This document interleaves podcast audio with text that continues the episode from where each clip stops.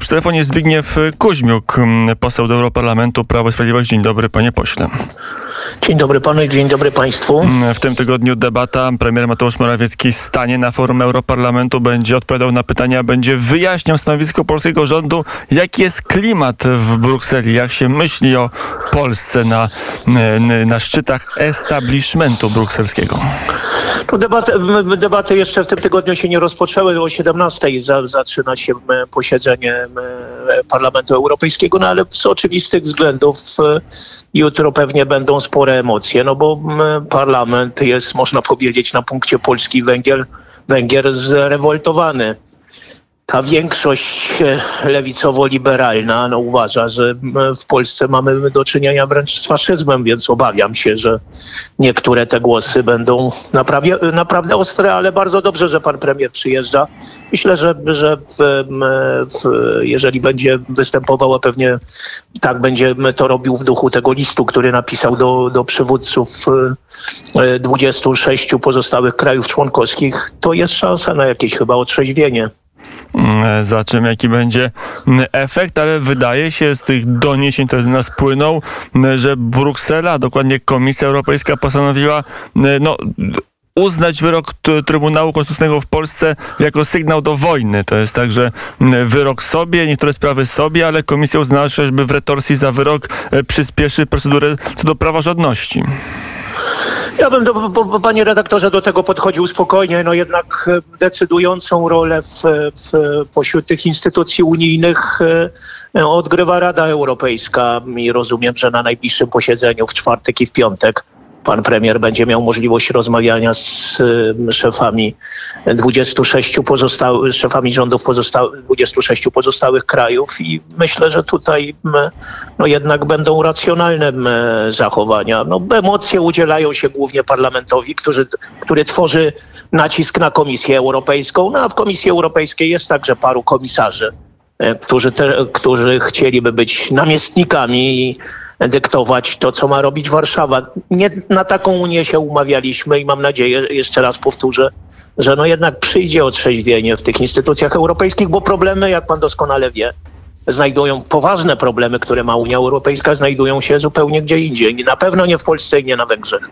Pragnę uspokoić Was, że Polska pozostaje lojalnym członkiem Unii Europejskiej, organizacji opartej na wspólnych dla nas traktatach ustanowionych przez wszystkie państwa członkowskie, które powierzyły wspólnym instytucjom szereg kompetencji wspólne wspólnie uregulowały wiele e, dziedzin życia za pomocą prawa europejskiego. Napisał w liście do przywódców e, rządów państw, państw członkowskich Mateusz Morawiecki taki język znajdzie, czy znajdzie odpowiednie przyjęcie wśród szefów rządów? Panie redaktorze, to, to, to ważna myśl, ponieważ no, tutaj w Parlamencie Europejskim opozycja rozpowszechnia informację. Zresztą e, taką, e, taką tezę wyraził publicznie Donald Tusk, że e, Trybunał Konstytucyjny w Polsce podważył zapisy traktatowe a więc Polska wykonała pierwszy ruch w stronę polexitu. To nie, oczywiście nieprawda, no bo każdy, kto odrobinę choć zna się na prawie i przeczytał e, to rozstrzygnięcie naszego Trybunału Konstytucyjnego, to doskonale wie, że Trybunał powiedział mniej więcej to, że jeżeli Komisja Europejska w konsekwencji także TSUE będą wychodzili w swoich rozstrzygnięciach poza kompetencje, które zostały powierzone Unii Europejskiej, to Trybunał Konstytucyjny da im tamę. Tylko tyle, tylko tyle, co, jest, co powinno być dosyć oczywiste, ale wywołało tutaj no jednak spore emocje. Dalej premier pisze, jednocześnie jednak chce wywołać, wywołać wasz niepokój i zwrócić waszą uwagę na niezwykle niebezpieczne zjawisko, które zagraża przyszłości naszej Unii. Mam na myśli stopniowe przeobrażenie się Unii w podmiot, który miałby e, prze, przestać stanowić sojusz wolnych, równych i suwerennych państw, a stać się jednym centralnie zarządzanym organizmem kierowanym przez instytucje pozbawione demokratycznej kontroli ze strony obywateli państw członkowskich. Jak rozumiem, tutaj premier premier Mateusz Morawiecki ma na myśli Trybunał Sprawiedliwości Unii Europejskiej i Komisję Europejską pewnie również.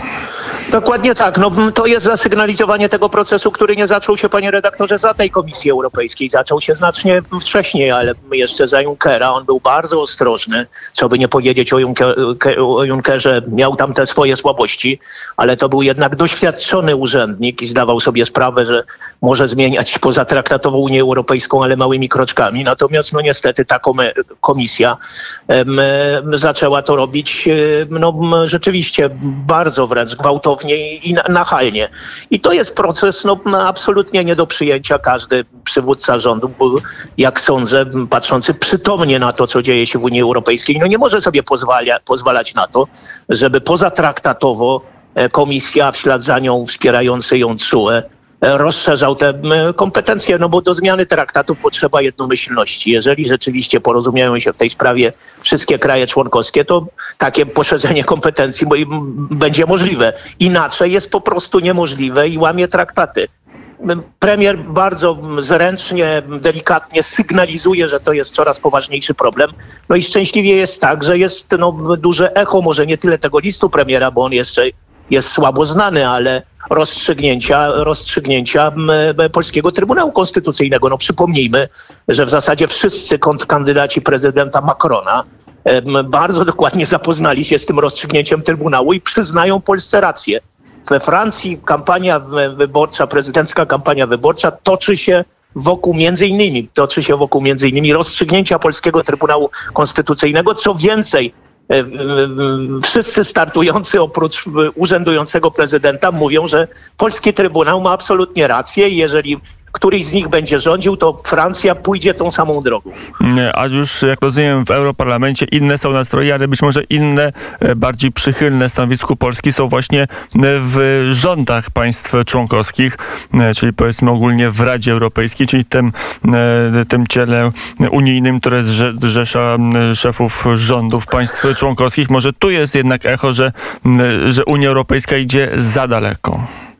Dobrze się składa, że po, po tym posiedzeniu parlamentu, gdzie tak jak powiedziałem, premier przybliży na czym polega e, stanowisko czy rozstrzygnięcie naszego Trybunału Konstytucyjnego i być może przynajmniej to środek parlamentu uspokoi, bo oczywiście zdaję sobie sprawę, że pewnie skrajna lewica, także lewica pewnie i część kadencji, w tym nasi niestety europosłowie z lewicy i z Platformy, E, będą e, kontynuowali dotychczasowe praktyki kłamania na temat e, Polski, mówili o polexicie, ale być może dla, dla tych ludzi środka to będzie wystarczające uspokojenie. Natomiast no, generalnie nie spodziewam się zmiany stanowiska parlamentu tak, w sprawie Polski i Węgier. To jest rzeczywiście w zasadzie od wielu miesięcy, żeby nie powiedzieć od wielu lat, zwyczajna histeria na, na, na punkcie naszych krajów. No, duża część parlamentu uważa, że rzeczywiście w Polsce i na Węgrzech mamy wręcz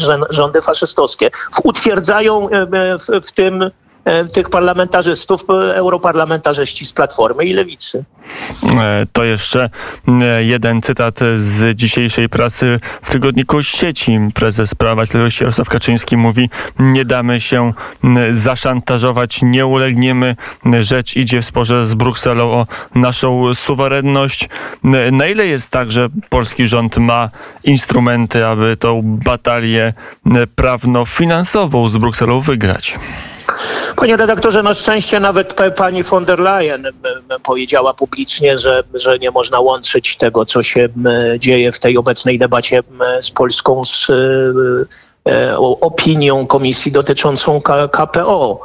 Więc mam nadzieję, że to, co publicznie zostało wypowiedziane, zostanie także w praktyce zrealizowane. Przypominam, że, że te plany odbudowy zostały oparte o takie rozporządzenie bardzo obszerne, przygotowane przez komisję to jest akt prawny, no właśnie ma rangę rozporządzenia, więc to jest unijne prawo e, i tam są zawarte obowiązki zarówno komisji, jak i państwa członkowskiego. Polska wszystkie te obowiązki opisane na tych wielu stronach wypełniła od e, kreski do kreski, że tak się wyrażę.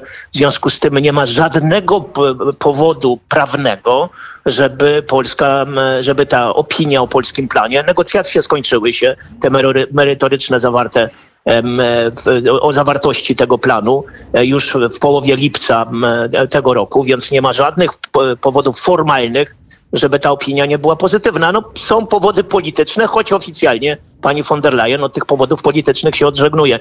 Miejmy nadzieję, że, że Komisja Europejska nie będzie łamać praworządności, upominając się o praworządność w Polsce.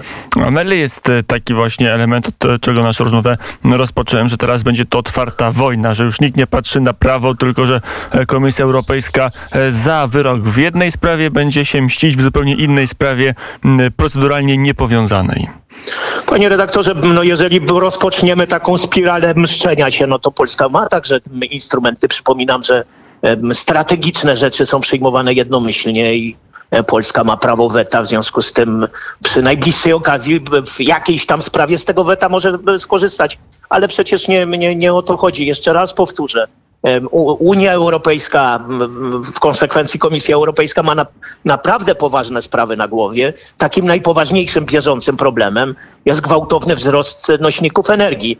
Była debata dwa tygodnie temu w Parlamencie Europejskim. Duża część tych lewicowych polityków domagających się zaostrzenia polityki klimatycznej jest w panice bo ich wyborcy pokazują im e, rachunki, jakie muszą płacić za, za ogrzewanie, a one wzrosły w ostatnim okresie o 100-200%. Więc to jest problem, jak zmierzyć się z tymi gwałtownie rosnącymi cenami e, energii. A to jest między innymi e, poważne zaniedbania Komisji Europejskiej, jeżeli chodzi o relacje z Gazpromem. No i oczywiście pan Timmermans i jego pomysł zaostrzenia polityki klimatycznej do 2030 roku. To są problemy, które jeżeli rzeczywiście w najbliższych, że tak się wyrażę, tygodniach nie zostaną rozwiązane, to część ludzi może po prostu zamarznąć. I wcale nie myślę o Europie Środkowo-Wschodniej, bo ta jest akurat bardzo dobrze przygotowana do zimy. Natomiast e, mówię o zamarznięciach w Europie Zachodniej. Mm, e, To jeszcze, zanim przejdziemy y, do kryzysu energetycznego i polityki klimatycznej Unii Europejskiej, to jedno pytanie o działanie Polski. Minister Sprawiedliwości Zbigniew Ziobro stwierdził, że wyśle do TSUE skargę na system mianowania sędziów w Niemczech. Tam jest ten system skomplikowany, bo Niemcy to, jak wiemy, kraj związkowy. Różne kraje związkowe mają swoje procedury, ale pewnie przyjętą praktyką jest to, że w wyborze sędziów uczestniczą władze wykonawcze, a w niektórych kwestiach jest możliwość odwołania sędziego przez odpowiednie legislatury stosowną większością głosów. To jest jakaś ścieżka na to, żeby pokazać, że u nas się nic nie dzieje złego w wymiarze sprawiedliwości. Myślę, myślę, że to dobra droga zwrócenia uwagę, uwagi TSUE, że przymyka oczy na politykę w wymiarze sprawiedliwości w tak wielkim kraju jak Niemcy. Zresztą nie tylko. Podobnie w Hiszpanii przypominam, że tam od e, e, chyba dwóch lat nie można wybrać KRS, więc nie wiem, jak są mianowani e, sędziowie ichniejszego KRS-u, więc nie wiem, jaka jest procedura mianowania, mianowania sędziów. Nie słyszałem, żeby TSUE się tym zajmował. Podo- podobnie w Niemczech. No, mam tylko nadzieję, że, że TSUE na, na, to, na to wystąpienie nie, nie odpowie, jak to czasami słyszymy w debacie publicznej, że nie można porównywać, że nie można porównywać.